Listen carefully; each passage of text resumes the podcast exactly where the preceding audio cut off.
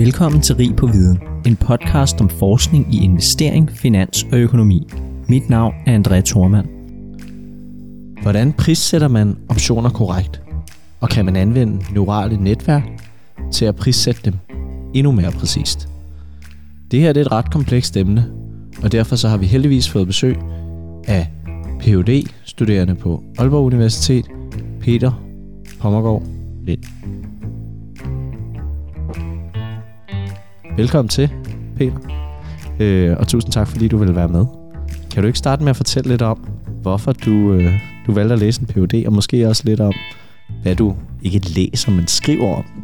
Jo, altså hvis jeg skal starte med at fortælle lidt om mig selv, så hedder jeg Peter Pongård Lind. Jeg er uddannet kanak for Københavns Universitet. Men lige nu er jeg PhD-studerende i finansiering på Aalborg Universitet, og har været der godt to og et halvt år nu. Jeg forsker i, hvordan man kan bruge moderne machine learning metoder i optionsprisning. Og før jeg startede på min Ph.D., har jeg arbejdet som aktuar i PFA og været instruktor på Københavns Universitet. Så angående PhD'en lå det faktisk ikke lige i kortene, at jeg ville skrive en Ph.D. Men det kom, da jeg begyndte at skrive mit speciale, hvor jeg blev helt betaget af det at finde ny viden, altså forske, øh, i forhold til at replikere andres arbejde, altså som jeg netop fik lov til ikke at gøre. Altså jeg fik lov til at finde ny viden i mit speciale. Så min interesse for finansiering og programmering og matematik øh, ledte naturligvis til at forske i optioner og numeriske metoder. Super fedt, og det er jo det, vi skal tale om en masse her i dag. Ja. Vi skal jo som sagt tale om, om optioner her i dag, og, og jeg må sige, nu har jeg læst dit papir, som vi også skal tale om, og, og jeg synes, det er super interessant. Det er svært stof, ja. også for mig. Så hvad hedder det? Så det er rigtig vigtigt, at vi lige får noget baggrund, øh, ja. Peter, også til dem, der ikke er så, øh, hvad kan man sige, velbevandret i, i optioner. Så til at starte med helt basic, hvad er en option, og hvad for nogle typer eksisterer der? Jo, øh, det vil jeg meget gerne fortælle om. Så man kan se, sige helt øh, grundlæggende, så er en option en rettighed til at købe eller sælge et aktiv til et fremtidigt tidspunkt. Så jeg tror, det der er mest er eksempel på en option, som alle egentlig har, er en forsikring. Så for eksempel, hvis du har en brandforsikring på dit hus, så har du egentlig retten til at sælge dit hus til, til den værdi, det nu har, hvis det brænder ned. Så det er så at sige en put-option. Øh, et andet eksempel kunne være på en obligation, du kan indfri til kurs 100. Der er faktisk indlejret en call-option, fordi du kan indfri den øh, til de kurs 100, hvis den er over kurs 100. Ikke? Um, så hvad er call og put? Lad os lige få, få styr på dem også. Jo, selvfølgelig. Um, så call er retten til at købe et aktiv på et fremtidigt tidspunkt. og en put-option er retten til at sælge et aktiv på et fremtidigt tidspunkt. Fedt. Og hvorfor synes du, optioner er så spændende? Jo, øh, jeg synes, det er mega spændende det med, at man der er en øh, relation mellem det underliggende aktiv og optionen. Og hvis man bryder den op, øh, øh, relative prisning mellem de to, øh, kan man skabe arbitrage på markedet. Og det var egentlig det, der var spændende for et matematisk synspunkt, at man ligesom, der var rigtig meget matematik i det her, og, og behandle optioner. Så for eksempel at prise optioner, så, så, så laver du en hedge portefølje til din option, så det vil sige, at du øh, din option er det samme værd som din hedge portefølje. Og man skal forstå det sådan ligesom en, en frugtsalat. Hvis du forstår, hvad du ved, hvad melon og jordbær koster, og hvis du så blander de her to, så får du en, en frugtsalat, og det skal helst koste det samme som frugtsalaten skal helst koste det samme som hvad når du blander øh, som de enkelte elementer til sammen. Øh, så i det her tilfælde din frugtsalat er optionen og din hedgeportefølje af er melon og jordbær, altså aktien og, og obligationen du bruger til at hedge din, øh, din øh, option med. Jeg kan huske, da jeg selv havde om optioner i øh, på, på universitetet, på ja. kandidaten, der lærte vi, hvordan man kunne øh, arbitrere øh, et gratis shot eller et eller andet, hvis man øh, købte en sex on the beach. Eller det var et eller andet med, at... Nå, øh, den har jeg ikke det, hørt den om. Havde, ej, det var faktisk en rigtig interessant øvelse. Øh, det var sådan noget med, at så skulle man ligge og købe alle de forskellige ingredienser og sælge nogle af dem og låne Åh, dem ja, øh, ja, fra ja, andre ja. og sådan noget der. Ja. Og så til sidst så havde man i virkeligheden et gratis shot, som var baseret Ja. på de priser, de forskellige drinks Ja. øh, var baseret på. Ikke? Og Yes. det, er jo, det er jo i virkeligheden hvad kan man sige, en anden måde at Ja. sige det, du siger på. Præcis. Ikke? Altså, Ja. man kan bruge optioner, hvis man kombinerer dem på forskellige måder til at øh, enten lave arbitrage, det, Ja. det er der jo sikkert nogle fonde, der gør, ikke? Jo. men også til at hedge Ja. øh, risiko. Rigtig Lige præcis. Så man kan sige, hvis markedet var øh, fuldstændig efficient, og det alle Black Scholes antagelserne var korrekte, så ville op, øh, øh, optioner faktisk være så vil der ikke være grund til at have optioner, fordi du kunne bare hedge med din portefølje. Hedge porteføljen, fordi de vil have samme payoff i sidste ende. Men man har så optioner, og det man betaler for eksempel investment banks for at sælge til sig, er jo deres ekspertise for at hedge, øh, øh, som er billigere for dem at gøre in-house, øh, og fordi de har ekspertviden på det her område. Klart, og for dem, der ikke ved, hvad Black Scholes er, så skal jeg nok komme til at spørge ham Ja. det på et tidspunkt. Klart. Noget, vi også lige skal have styr på, fordi at det, du skriver i dit papir om, som vi nok skal komme mere ind på øh, senere, det er jo noget med nogle amerikanske øh, Ja. øh, ikke, øh, optioner, hedder Ja. det. Øhm, og det er jo noget med, der er forskel på de her ting. Så der findes amerikanske og europæiske, mener jeg, men distinguerer med dem. Ja.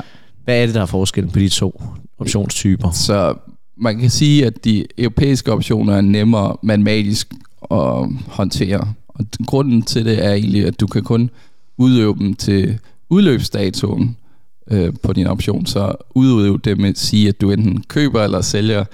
Du udøver din rettighed til at købe eller sælge, sælge det underliggende aktiv. Og vi kalder det, den rettighed, den er fix til en fastlåst pris, og det kalder vi strike price. Øhm, hvor øh, amerikanske optioner, der kan du faktisk udøve øh, kontrakten fra indgåelse til udløb, så du har egentlig øh, kontinuum af udøvelses, eller udøvelsesmuligheder. Ja. Ja, så den amerikanske, bare for at jeg også lige Ja. genkalder mit pensum rigtigt, der kan jeg gøre det, hvornår jeg vil. ja, Mens den europæiske, der kan jeg kun gøre det på udløbstidspunkt. lige præcis. Men jeg kan gøre det på den europæiske, den kan jeg jo stadig ligge og købe og sælge og sådan nogle Mm. mm. ting. Men hvis jeg skal udnytte selve optionen, så er det først, når, når, når striken, eller Ja. når, når den dato, man har sat for optionen, den indtræffer. Ja, så hvis vi ind, hvis du købte en call option af mig med et års øh, expiry øh, til, Løbetid. løbetid, ja, med et års løbetid til, øhm, så vil du først kunne udøve din option om et års tid. Yes. Ja. Øhm, yes, ja. Mens for den amerikanske vil jeg kunne gøre det også efter to måneder, et halvt år og så videre, helt indtil udløb. Ja, lige præcis. Og det, det, der gør det så mere matematisk besværligt med amerikanske optioner, er jo netop, at man skal finde ud af, hvornår er det optimalt at udøve sin option.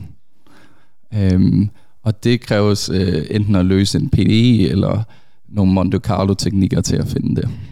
Fedt. Ja. Hvad hedder det, øh, når vi skal prissætte de her optioner? Hvad, hvad, hvad, hvad bruger vi så af modeller? Nu har du allerede nævnt en, ikke? Jo. Øh, og den kan du måske også gentage, men, men, men hvordan gør vi det? Ja. For at finde ud af, fordi når vi laver, altså det kan jeg jo godt bare lige sige som relation, Mm. hvis man skal finde ud af, hvad en aktie er værd, ikke? så er det jo sådan noget med at prøve at finde ud af, hvor mange penge en virksomhed kommer til at tjene. Men, men en option, der det bliver lidt mere teknisk. Ja, det er det. Øhm, man kan sige, at der er det her relative forhold mellem optionen og det underliggende aktiv, altså for eksempel en aktie. Øh, og det er egentlig, du, sådan du finder værdien er ved den hedge-portefølje, du skaber, der replikerer din øh, options øh, payoff i sidste ende. Øhm, men der findes forskellige modeller. Man bruger faktisk ikke Black Scholes til at prissætte optioner. Man bruger Black Scholes i en, på en anden måde, men man bruger den hele tiden. Man bruger det til at få det, man kalder implied volatility, som er den eneste ukendte variabel, øh, eller latente variabel i, i Black Scholes-modellen, øh, som du inputter til at matche din Black Scholes, altså modelprisen, med markedspriserne. Så det vil sige, at når du kigger på implied volatility, så får du en uh, implied volatility surface, som ikke er flad, men den har både smil ved hver uh, slice af det her, den her surface, og den også har term structure. Så hvis du tog Black, Black Scholes seriøst, så vil du se en helt flad volatilitets øh, overflade, hvilket ikke er det, man ser i markedet. Det må du få forklare. Der, ja. der tror jeg, jeg har tabt tråden. Det. Ja, øh, selvfølgelig. Så når du bruger implied volatility til at vurdere, hvor dyr er optionen i forhold til det underliggende aktiv. Ja, præcis. Så hvis man har en, en option på en aktie, ja. så kan man så er en af de variable, man har i Black Shows, det er den implicite øh, volatilitet, eller ja. de implicite svingninger, der potentielt set er på den her ja. aktiekurs yes. i virkeligheden. Ikke? Og, øh, og den kender vi ikke. Det er derfor, Nej, den er implicit. Den kender vi ikke, men den tager vi så implicit for markedspriserne. Præcis. Så hvis du...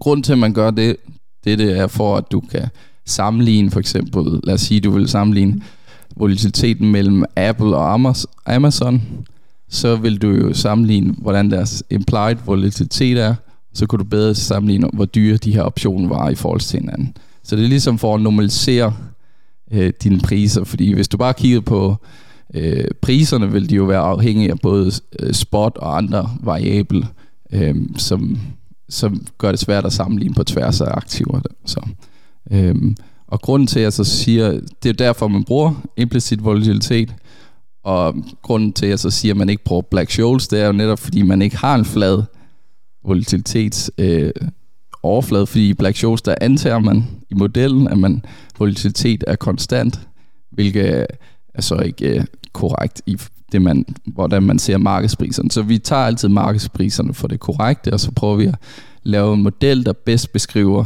hvordan øh, markedet ser på optionspriserne. Ja.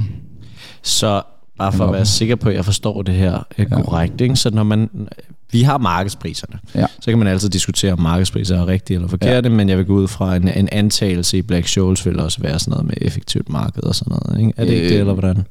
Nej, fordi Black Scholes, der antager du ikke, du har et optionsmarked. Der optager du bare, du har en uh, aktie og et uh, underliggende money market, altså en uh, bankkonto, du kan investere i, ja. og så finder du ud fra, hvad optionen koster. Yes. Så du antager egentlig et forsimplet marked, hvor du kun har to aktiver, og så introducerer du et tredje aktiv i det marked.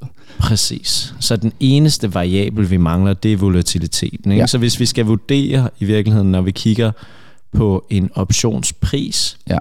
om den er dyr eller billig, ja. så at sige, så skal vi se, okay, hvad er det den antagede volatilitet, vi får ud i den anden ja. ende, for at den her pris, den stemmer. Ja, Lige præcis, så du kan på den måde se, okay, øh, du kan nemt sammenligne hurtigt på, for eksempel Tesla har normalt en høj volatilitet i forhold til øh, Amazon.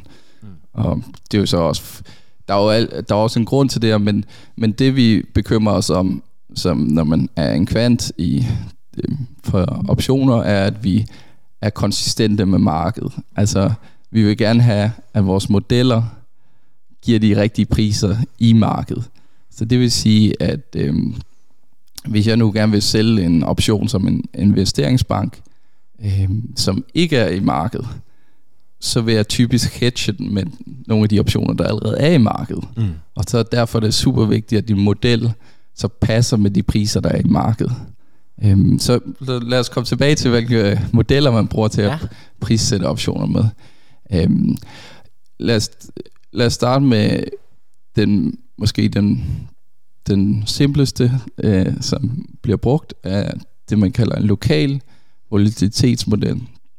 Og fordelen ved den er, at du faktisk kan finde, øh, du finder en øh, funktion, altså volatilitet, der afhænger af øh, strike og øh, udløbsdato. Øh, øh, og ved at finde den funktion, så kan du faktisk fitte din model til alle listede optionspriser.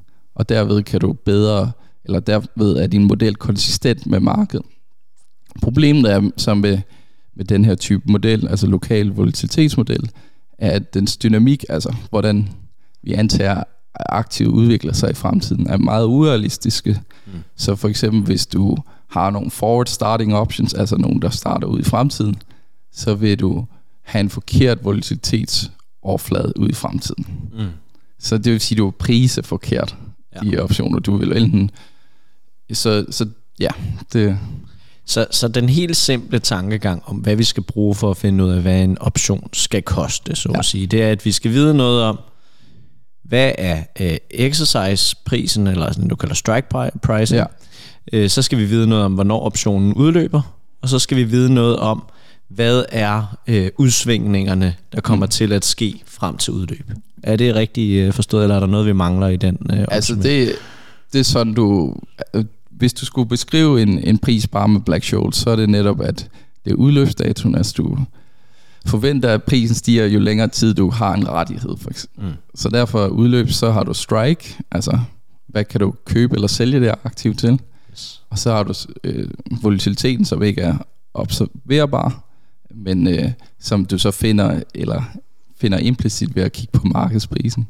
Og så har du så renten, der også betyder noget, altså hvor meget du skal diskutere med. Øhm, og så er der jo så dividender.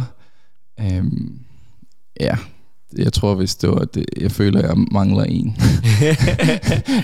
der er mange inputs. Det er altid ja. også, så ellers som dividender, det er jo altid sådan, at antager man, der er noget eller ej og sådan noget. Ikke? Men jo, jo. Det, det, det, er jo selvfølgelig jo, jo. også en, en problematik. Ja, det, det er faktisk en ret det er ret svært med dividender, hvad man lige gør det.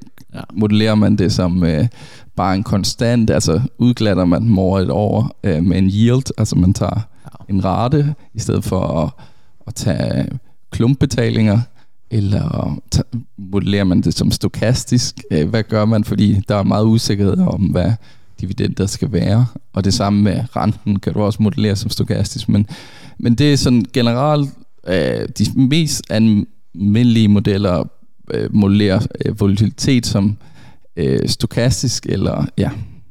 Så, det, så hvis vi så lokal volatilitetsmodel var en model, og så har vi også det der hedder en stochastic volatilitetsmodel. Og det er måske, jeg tror, nogen har måske hørt om Heston. Som, øh, jeg har ikke hørt om Okay, så, så Heston-modellen er en udvidelse til Black-Scholes-modellen, hvor du så antager, at volatilitet er stokastisk. Så det vil sige, at, at du så fanger nogle bedre dy- dynamikker ved at gøre det her af, af markedet. Så det vil sige, at du for eksempel fanger, at hvis, hvis nu du S&P falder 20%, hvad vil du så forvente med volatilitet? Du vil forvente, at volatiliteten vil stige. Og det er det, vi kalder leverage-effekt. Og det kan man blandt andet modellere ved at have stokastisk volatilitet, ved at have en negativ korrelation øh, mellem øh, aktien og volatiliteten. Øh, så det er blandt andet en dynamik, man mm. fanger bedre der. Så har man også, øh, man inkorporerer også øh, langsigtet varians. Altså, hvis du kigger på volatiliteten om 100 år, så er det ikke ligesom med aktier, hvor du forventer, at aktierne vil ligge højere end i dag. Ved volatilitet, der du forventer, det ligger nogenlunde det samme niveau, eller ja, i sådan et øh, bånd omkring, lad os sige, 5% til 40%, whatever.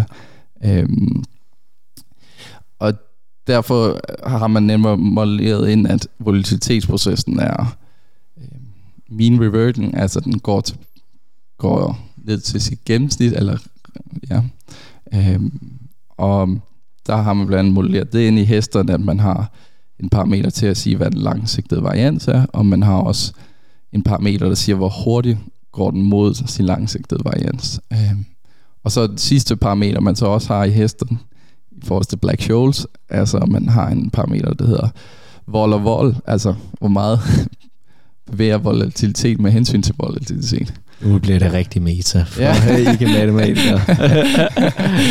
ja, så det, men det er super vigtigt, altså i forhold til, når du hedger. For eksempel, der er et øh, matematisk resultat, der hedder Øh, Øh, på KU kalder Rolf Paulsen det Fundamental Theorem of Derivative Trading, øhm, som siger, at hvis du øh, hedger en øh, europæisk option, så hvis du delta, hvis vi antager, at man kan trade øh, kontinuert i tid, så vil dit øh, PNL, altså profit and loss, i sidste ende afhænge af, hvilken volatilitet valgte du at hedge med, i forhold til den realiserede volatilitet, mm. øhm, hvor du så ganger din dollar gamma på, altså gamma gange, gange spot i anden øhm, og så tager integral over det. Det, det bliver så... jeg sidder med verdens største øjne her. Ja. Sådan. nu kommer du ind i alle formlerne. Ikke? ja. Men det er et super vigtigt resultat, ja. fordi det siger, okay, hvad kan jeg forvente at tjene eller miste på min øh, hedged øh, option. Og der er også sådan et, øh, det er tit et interviewspørgsmål, de giver i investeringsbanken, når du vil ansøge for internships, det er for eksempel, at hvis, hvis lad os sige, at du, du ved, den gennemsnitlige volatilitet i fremtiden er 19 procent, øh, og, du er, og du så sælger optionen for 20 procent, øh, vil du så tjene penge, eller vil du miste penge? Og man tænker, åh, jeg har solgt den for 19, 20 øh, procent, øh, men øh, og den realiseret bliver 19%, så jeg må have tjent penge, ikke? Øhm, men det kommer an på faktisk stigen af din øh, aktiv, altså hvordan din, øh, altså fordi at du har forskellen mellem den realiserede og det du hedger med volatilitet, gange med øh, med gamma, altså den anden afledte øh, med hensyn til spot, altså din optionspris, anden afledte med hensyn til spot, som egentlig gør, at hvis du nu har perioder, hvor at volatilitet er, lad os sige, højere end det, du hedge med, så får du en negativ øh, PNL, og så kan det gøre, at i sidste ende, du faktisk mister penge, selvom du har vidst, at den gennemsnitlige varians var lavere end det, du øh, solgte den for. Så det rigtige svar, hvis man er til interview i en, øh, i en investeringsbank, ja. og gerne vil ind og lege med optioner, ja det er, det kommer an på, eller det er svaret, øh, resultatet er forkert, eller hvad? hvad, hvad? Jeg vil sige, det, det kommer an på, kommer og så, skal, på. så skal ja. du kunne tegne, hvordan, øh, hvilke forskellige stiger, der vil give de forskellige scenarier. Jeg tror, det er mest illustrativt, hvis vi havde, hvis vi kunne tegne det, ikke? Men, øh, det er svært på lyd. Ja, det er altså bare. så, men, men det, det er super, det er et interessant øh, resultat, øh, men ja, så ja. Og for dem, der måske ikke er så færm med optioner, så tror jeg, et generelt tip er at prøve at tegne tingene. Ikke? Altså jo. fordi at optioner er jo lidt ligesom sådan noget, øh, hvad hedder det, klimapolitik, eller hvad man siger. Det er jo sådan en hockeystick, ikke? Jo. jo. så, øh, så hvad hedder det, man kan tegne alle mulige mønstre med de her optioner, med forskellige ja. strikepriser og alle mulige ting. Ja. Og så kan man danne, også det vi taler om i starten, nogle forskellige hedges, hvor, at, mm. at, hvor, hvor har man så øh, cashflowene henne, og alle sådan nogle ting. Ja, øh, jeg har en sjov historie, når vi snakker om det, fordi da jeg lige startede med optioner, så var jeg også sådan, det der er meget fedt, øh, altså nu var det, det var så, så ikke så kompleks, altså for en matematisk synspunkt, de her funktioner, man har, men derfor er det jo super fedt, man kan kombinere de her forskellige optioner til at få andre øh, optioner, ikke? Altså sådan, øh, for eksempel et andet interviewspørgsmål, hvis vi kan tage det. Ja, ja, bare øh, alle tipsene til ja, øh, folk, der gerne vil arbejde øh, med det her. Men for eksempel, hvis du har en øh, binær option, altså en option, der betaler 1 krone, hvis du er over strike, og 0 kroner, hvis du er under strike, eller, eller omvendt. Det kommer an på, om det er en call eller put. Men lad os bare sige, at vi har en call med en strike, så får du 1 krone, hvis du er over strike, og 0 ved udløb, hvis du er under strike. Mm. Et klassisk, øh, så får du sådan et... Øh, et, et hop lige ved strike, ikke? ved udløb, altså hvis du kigger på payoff-diagrammet. Øh, og så et klassisk spørgsmål er, hvordan hedger du så det her, den her option? Og svaret er, at du kan hedge det med et call spread, altså øh, køb af et øh, call og salg af en, anden, af en call. Altså så hvis nu din strike på din binære option er 100, så kunne du for eksempel øhm, købe en, øh, en call øh, til strike 90 og sælge en, øh, en, en call til strike 100. Mm. Og så vil du i hvert fald have øh, overreplikeret den her option. Øh, men men øh, hele ideen er, at du kan finde præcis, fordi at en, øh, binære option er egentlig bare den afledte af hockeystick-funktionen. Mm. Ja. Og for matematisk teori ved vi, at den afledte af en funktion er øh, f af x plus h minus f af x over h, hvor du så lader grænsen gå mod 0. Så Hvad er h i den her sammenhæng? Bare det er, så f af x plus h vil så være din, så f af x vil være din call option til, lad os sige, strike 90, og f af x plus h vil være din call option til strike 100, og så dividerer du så med h, og så siger du, hvor mange skal jeg så købe dem. Det er så 1 divideret med h. Så det vil være en, en tiende del. Jeg er så spændt på, hvordan øh, folk kommer til ja. at øh, klare de her formler på podcast. ja, Fordi at det her, det er så okay, øh, Peter. Det skal du slet ikke tænke over. Det er bare, hvad hedder det, jeg vil gerne sige til dem, der lytter med, at jeg synes også, det her er svært. Ja. Så I skal ikke føle, øh, hvad hedder det, jeg er afsporet, men, øh, men det, det, er, det er virkelig øh, interessant. Den sidste ting, jeg lige vil spørge om, inden vi kommer til papiret, ja. bare sådan rent konceptuelt. Nu, nu talte vi lidt om det her, men man bruger ikke rigtig Black and Scholes til i virkeligheden at prise, man bruger det til at finde noget volatilitet ja. og sådan noget, som vel også er en anden mål for pris. Vel? Det, det er en måde at sammenligne aktiver ja. på og få en normaliseret måde at kigge på tingene. Altså når jeg siger normaliseret, så når du kigger på lejligheder, så har du uh, square feet, altså ja. hvor meget du betaler på kvadratmeter. Det er jo også en måde at normalisere, hvad en lejlighed skal koste. Altså, ellers så er det jo svært at sammenligne en lejlighed på 100 og 200 kvadratmeter. Præcis. Øh, så er det en måde at skalere det ned på. Det er præcis. Så det er jo også det, vi bruger priser til, ja. Øh, og det kan man så også bruge volatilitet til. Ja. Så hvis det ligner, at der er priset ind i de nuværende optionspriser, at volatiliteten kommer til at stige meget, meget eksplosivt i forhold til, hvad den har været historisk, mm så er der måske noget, der ser mærkeligt ud. Ja. Eller andet, ikke? Øhm. Og jeg synes, der er et vigtigt ting at sige her i den forbindelse, at ligesom du sagde, volatilitet er egentlig din forventet, altså hvad du forventer ude i fremtiden. Det er ikke, hvad der er sket i, i, i, i går eller i forgårs. Det er, hvad du forventer, hvor meget du forventer akt. Du kan se det som, hvor meget du forventer dit, det underliggende aktiv ved bevæge sig over den næste tidsperiode, altså årlige tidsperiode. Lige præcis. Øhm, og Black and Scholes er vel den, altså det er vel fuldstændig integreret i de her priser, er det ikke det? Altså, som vidt jeg har forstået, så Black and Scholes, da den kom, så blev der ligesom meget mere struktur på sådan priserne i, øh, i optionsverdenen, som alle sammen lægger sig sådan lidt op af den model, ja. altså volatilitetsmæssigt, eller? Både ja og nej, og så lad os, lad os måske gå tilbage til historien. Inden Black Scholes var der, så var der jo ikke rigtig nogen idé om, hvordan man skulle hedge de optioner. Ja. Så det var hele ideen med den her hedge portefølje, der kom med Black Scholes, der gjorde, at man lige pludselig fik en form for, hvis man så ikke fulgte den, så ville man i hvert fald skabe arbitrage i markedet. Det der også så, så viste sig, det var, at, at nogle af antagelserne for Black Scholes ikke var sande. For eksempel i 87, der har man øh, Black Monday, hvor man faktisk mere eller mindre havde en øh, flad, flat smil, altså det man siger, for en øh, udløbsdato, så kigger man for, øh, hvad implied volatil, implicit volatilitet er øh, for alle strikes, og der var man, havde man nogenlunde en flad øh, smil på det tidspunkt.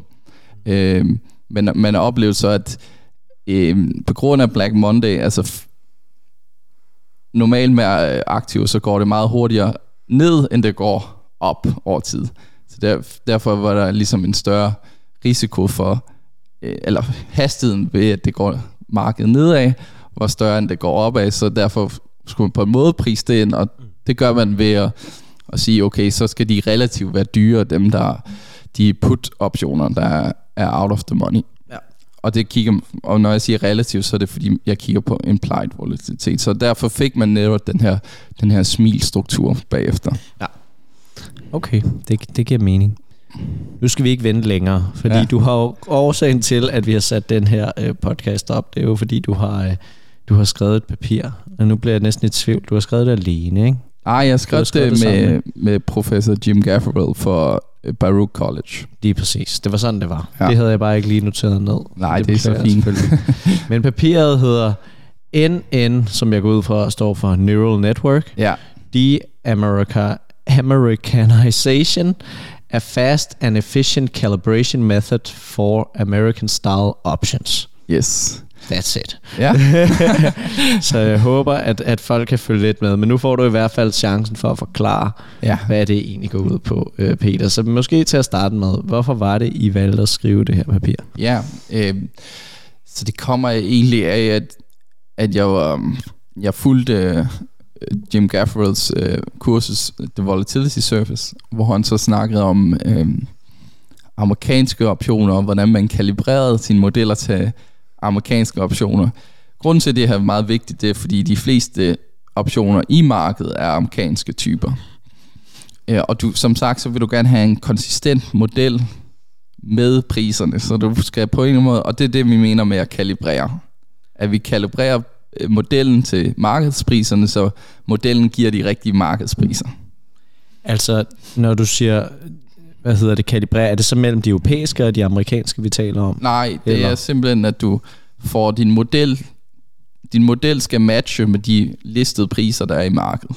Yes. Og når vi kalibrerer, så finder vi, øh, jeg tror det er nemmest at bare tænke på, øh, hvis du nu havde en model med hesten med fem Øh, parametre, så finder du de fem parametre, der bedst muligt gør, at din model giver de rigtige priser i markedet. Altså, den stemmer overens med de priser, du ser i markedet. Øhm, så grunden til, at det... Ja, og så sagde han så, at det var et numerisk svært problem, øh, hvilket også giver mening, fordi hver amerikansk option skal du som sagt finde, øh, hvornår det er bedst at øh, udøve optionen. Yes. Øh, og det er det, der tager numerisk lang tid. Så det tager lang tid ligesom at finde de parametre, kan du sige, til at matche markedspriserne. Øhm, og så tænkte jeg så bagefter, fordi jeg allerede havde arbejdet meget med amerikanske optioner, at jeg ville høre sådan, hvordan litteraturen havde øh, gjort det, og hvad, hvad der blev gjort i praksis. Og det viste sig, at der var faktisk ikke så meget litteratur omkring det. Og der er egentlig en meget god grund til det. Det er fordi, at, øh, at, øh, at renten har været lav i lang tid. Øh, og derfor er der ikke så stor forskel på europæiske og amerikanske optioner. Øh, men nu når renten var steget, så var det lige pludselig et meget mere relevant problem. Øhm, og derudover så det metode, man, der blev brugt i praksis, antog faktisk en, øh, en flad volatilitets øh, overflade, når du ligesom konverterede, så at sige, din amerikanske optioner til europæiske optioner. Så det er det, man mener med de-Americanization. Ja. Det er, at man konverterer sin pris, eller ja, sin amerikanske optionspris til en europæisk optionspris. Øh, med, ja, det er det, man mener med det. Ja, okay. Og hvis vi så skal bare forklare helt simpelt, hvad det er, I så finder ud af, ja. øh, Peter. Når, ja. I, når, I, når I tager højde for den her kalibrering, og, mm. og når du har prøvet at kigge på, hvordan man ellers gør det i, i litteraturen, hvad kommer I så frem til, og hvordan, hvordan gør I det? Ja, øhm, så så først så, vil, så tror jeg, det er sundt lige at nævne, hvad der blev brugt i praksis. Ja. Øhm, her der er, i praksis så antog man en konstant volatilitet, som sagt, så man, øh, man fittede et binomialtræ, altså øh, binomial, binomialtræ er, en, er egentlig en Black-Scholes model, simplificeret i diskret tid. Så når du bruger en binomialtræ, antager du faktisk en konstant volatilitet, så du fittede øh, din priser til det listede amerikanske optionspris. Og så tog du den volatilitet, du fik ud for det fit, du havde, altså den kalibrering, og så indsatte du bare, så sagde du bare, at den volatilitet, den amerikanske volatilitet, er den samme som den europæiske volatilitet. Ja. Og ved at man gør det her, så, så når man konverterer fra amerikanske til europæiske, så antager man faktisk en flad volatilitetsoverflade, hvilket det, man ikke ser i markedet. Ja. Øhm, så derfor, hvad jeg sådan, hvad vi så øh, begyndte at kigge på, det var, kunne man antage en, øh, altså strukturen af, en, af hele volatilitetskurven, når vi konverterede amerikanske til europæiske optioner. Og det vi så gjorde, var, at fordi vi vidste, at det her var meget numerisk besværligt, så tænkte vi, at vi ville bruge øh, øh, neurale netværk til at approximere øh, det, man kalder tidlig udnyttelsespræmie. Så det skal jeg lige forklare. Så tidlig udnyttelsespræmie er forskellen mellem den amerikanske og europæiske optionspris. Og vi kalder det så tidlig udnyttelsespræmie, fordi det er den ekstra værdi, du får af, at du kan udøve optionen for indgåelse til udløbsdato af optionen. Ja, så, så, så altså det her forhold, der er i den amerikanske option, hvor man kan udnytte helt ind til, til udløb lige når man har lyst, Ja. det skal man selvfølgelig betale for. Ja, lige præcis. Og det, det er så det, vi bruger vores neurale netværk til at finde ud af, hvad det så skal koste. Og, ja, og ved brug af vores neuronale netværk kan vi få meget mere præcis estimat af dette, end hvis man bruger en flad volatilitet. Fordi din øh, tidlige udnyttelsespræmie afhænger naturligvis af, hvilken volatilitet der er i markedet. Øhm, fordi du, når du har en amerikansk option, så skal du løbende øh, sammenligne, hvad får jeg ud af at udøve optionen, med hvad får jeg ud, ud af at holde på optionen. Ja. Og volatiliteten, den siger jo noget om, hvor meget jeg får ud af at holde på optionen. Og hvis den er forkert i forhold til, hvad der er i markedet, så vil du naturligvis enten udøve for sent eller for tidligt. Og det er det, vi så forbedrer øh, mange gange med øh, vores NN deorganization metode. Altså konverteringen fra amerikanske til europæiske optioner. Og grunden til, at man gerne vil have europæiske optioner, er, at, øh, at man allerede har bygget... Øh, altså en grund er, at man allerede har et enormt øh, robust system allerede til at håndtere europæiske optioner.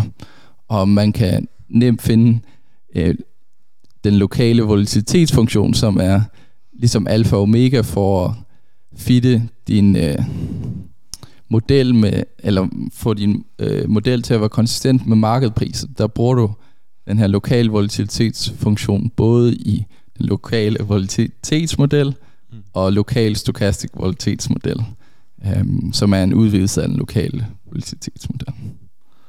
Og så er det, det åbenlyse spørgsmål er selvfølgelig, hvordan fungerer det her med dine neurale netværk? Ja, Fordi så. du siger, I bruger det, men hvad Ja. fanden vil det sige? Ja, øh, så det, det bliver lidt teknisk nu, men... Øh, Keep it simple. Ja, I will try. øhm, så først så skal man have noget data til at træne sin øh, neurale netværk med. Og, og det der er sådan lidt forskel med måden, vi bruger neurale netværk, er, at vi jo egentlig kender, hvad den sande udnyttelsespræmie er i, en given model. Yes. Så vi kan simulere så mange øh, priser, vi vil, så at sige. Vores problem er, at det er for langsomt at bruge de, ligesom de klassiske metoder øh, til at finde en korrekt, øh, eller til at kalibrere, eller til at konvertere dine amerikanske til, europæ- til europæiske optioner. Så måden vi gjorde det på, det var at tage en øh, øh lavdimensionel øh, repræsentation af det af implied volatilitet øh, overflade. Fordi vi vil gerne have tage, vi vil gerne ligesom tage højde for hele strukturen af volatilitetsoverfladen. Mm. Så den tog vi som en lav øh, parametrisering af den hele den kurve, eller hele den overflade. Øhm, og så trænede vi vores neural network på det. Altså vi, vi, vi havde en europæisk, det vi kalder implied volatilitets øh, overflade, er, det, vi kan, er egentlig den europæiske implied volatilitetsoverflade. Så øhm, fra den kan man så finde den lokale volatilitetsfunktion, og for den kan du bruge en PDE-priser til at finde den amerikanske option. Nu, nu snakker jeg om at generere data. Ja.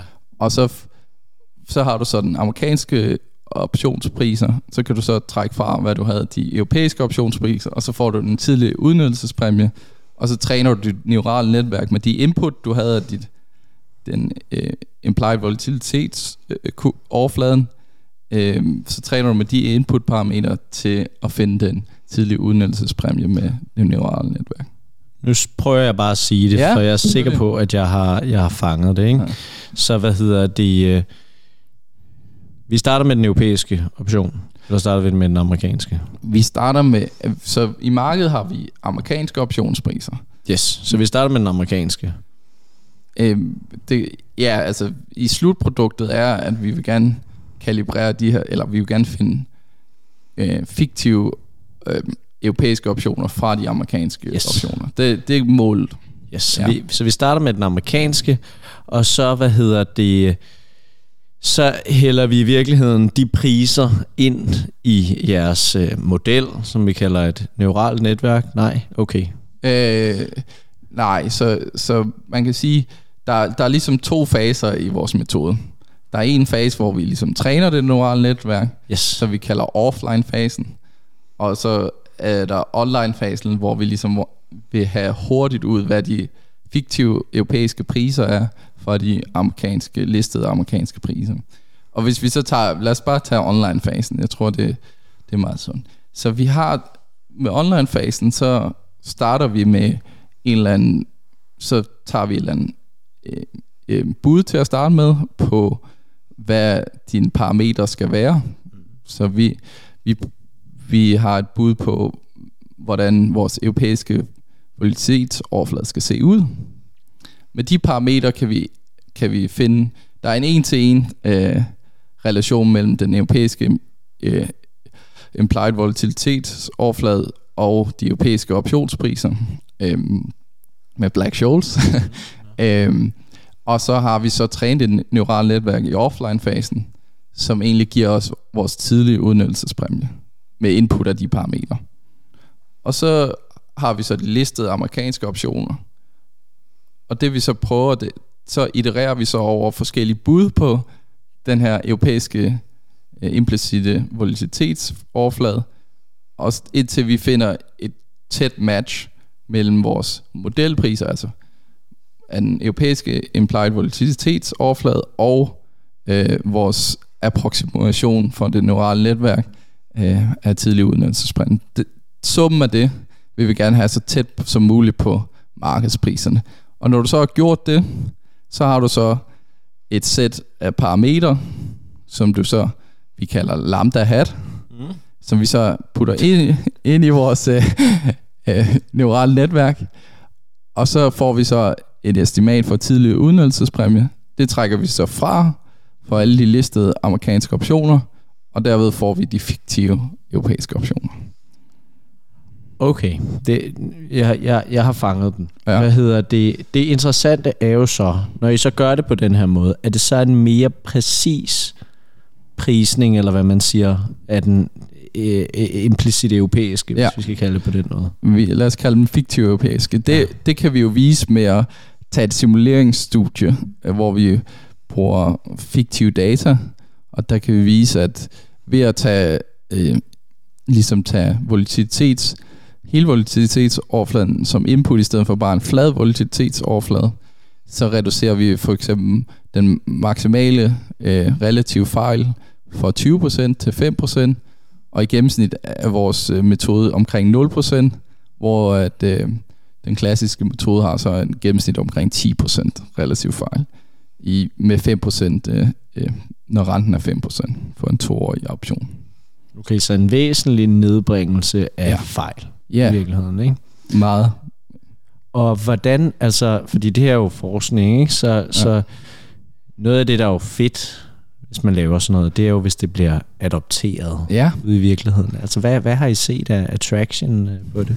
Vi har faktisk fået rigtig god traction, så jeg har, været, jeg har præsenteret for Bloomberg blandt andet, hvor at, øh, ja, det var, det, der er sådan en kvant seminar i New York, som jeg har været over at præsentere ved, øhm, hvor jeg blandt andet bagefter nu skal præsentere hos øh, en virksomhed kaldt Vola Dynamics, som egentlig er førende inden for at lave de her volatilitetskur, altså fitte præcist øh, markedspriser.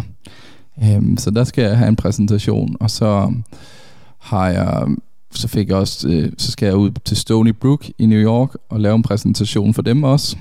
Og, øhm, og så jeg også øh, nogle, øh, ja, og så er der forskellige banker rundt omkring i Europa, der jeg snakker med øh, omkring det. Jeg tror ikke, jeg kan nævne navn her, men, men, øh, men ja, så, så der, der har været god interesse også for hedgefonde. Øh. Og hvad, hvad er det deres interesse af i det her? Altså, mm. hvordan kan de tjene penge på det, hvis vi bare er helt, ja, øh, helt klar? selvfølgelig. Øh, så man kan sige, hvis bankerne, investeringsbanken, bruger den metode, der ligesom er det, der bliver brugt lige nu, så kan de jo få en, en uh, fejl på de her put-optioner med op på 20%. Altså, det er jo til at føle på, at du har en 20% forkert prissætning af de fiktive europæiske optioner. Øhm, så på den måde, så hvis du er hedgefond, kan du muligvis udnytte det. Og den anden ting er jo, at du som investeringsbank ikke vil have den her fejl, fordi du vil jo ikke blive udnyttet. Du vil gerne på bedst mulig vis, altså deres business er jo at få fees, altså ja, fees for det, de sælger, mm. og så bedst muligt hedge det, de har solgt. Altså det er, det er sådan en desk, eller sådan en deres øh, lod i den her branche. Så hvis de har dårlige hedge eller dårlige estimater af, af, af, den, af den lokale volatilitetsfunktion, så, ja, så, så er de nemmere at blive udnyttet ikke? af andre spillere i markedet. Det er klart. Så hvis man er en hedgefond, vil man gerne være ret god til at hedge.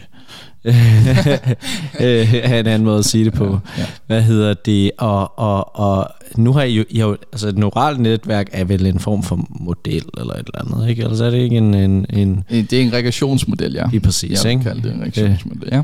Så, så er det en, nu ved jeg ikke, om det er baseret i et eller andet øh, stykke software, eller et eller andet. Er det noget, man kan tilgå, eller hvordan? Eller er det bare en... Jeg, jeg lægger det op her på mandag, så, okay, Nå, så jeg har lovet nogle forskellige folk at sende det til dem. Så ja. jeg har bare lige arbejdet med at lave det pænt, så folk kan sende, øh, altså så de ikke skal gå igennem al min kode. Ikke? Ja, ja, ja. Fordi ja, man sidder jo og sende, skriver kode, og man synes, det giver god mening, men jeg skal lige have nogen til at tjekke, om de kan køre det og sådan noget, inden jeg lægger det op. Men jeg regner med at lægge det op på mandag.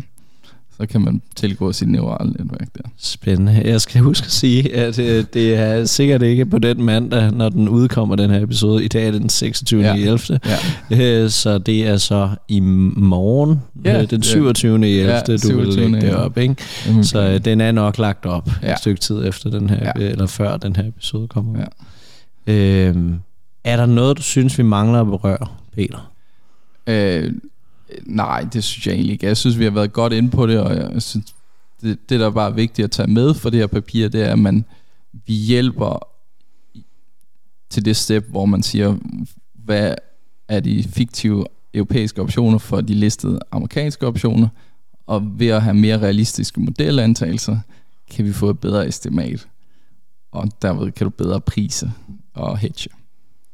Super fedt. Jeg vil sige tusind tak, fordi du vil være med. Selv tak. tak for, at du lyttede med til Rig på Viden. Jeg håber, at du lærte noget, og hvis du nu synes godt af vores podcast, så kan du støtte os ved at følge den på Spotify eller skrive en anbefaling på iTunes. Inden på LinkedIn, der kan du følge André Thormand, Benjamin Somofen eller Henrik Fode Rasmussen. På genhør.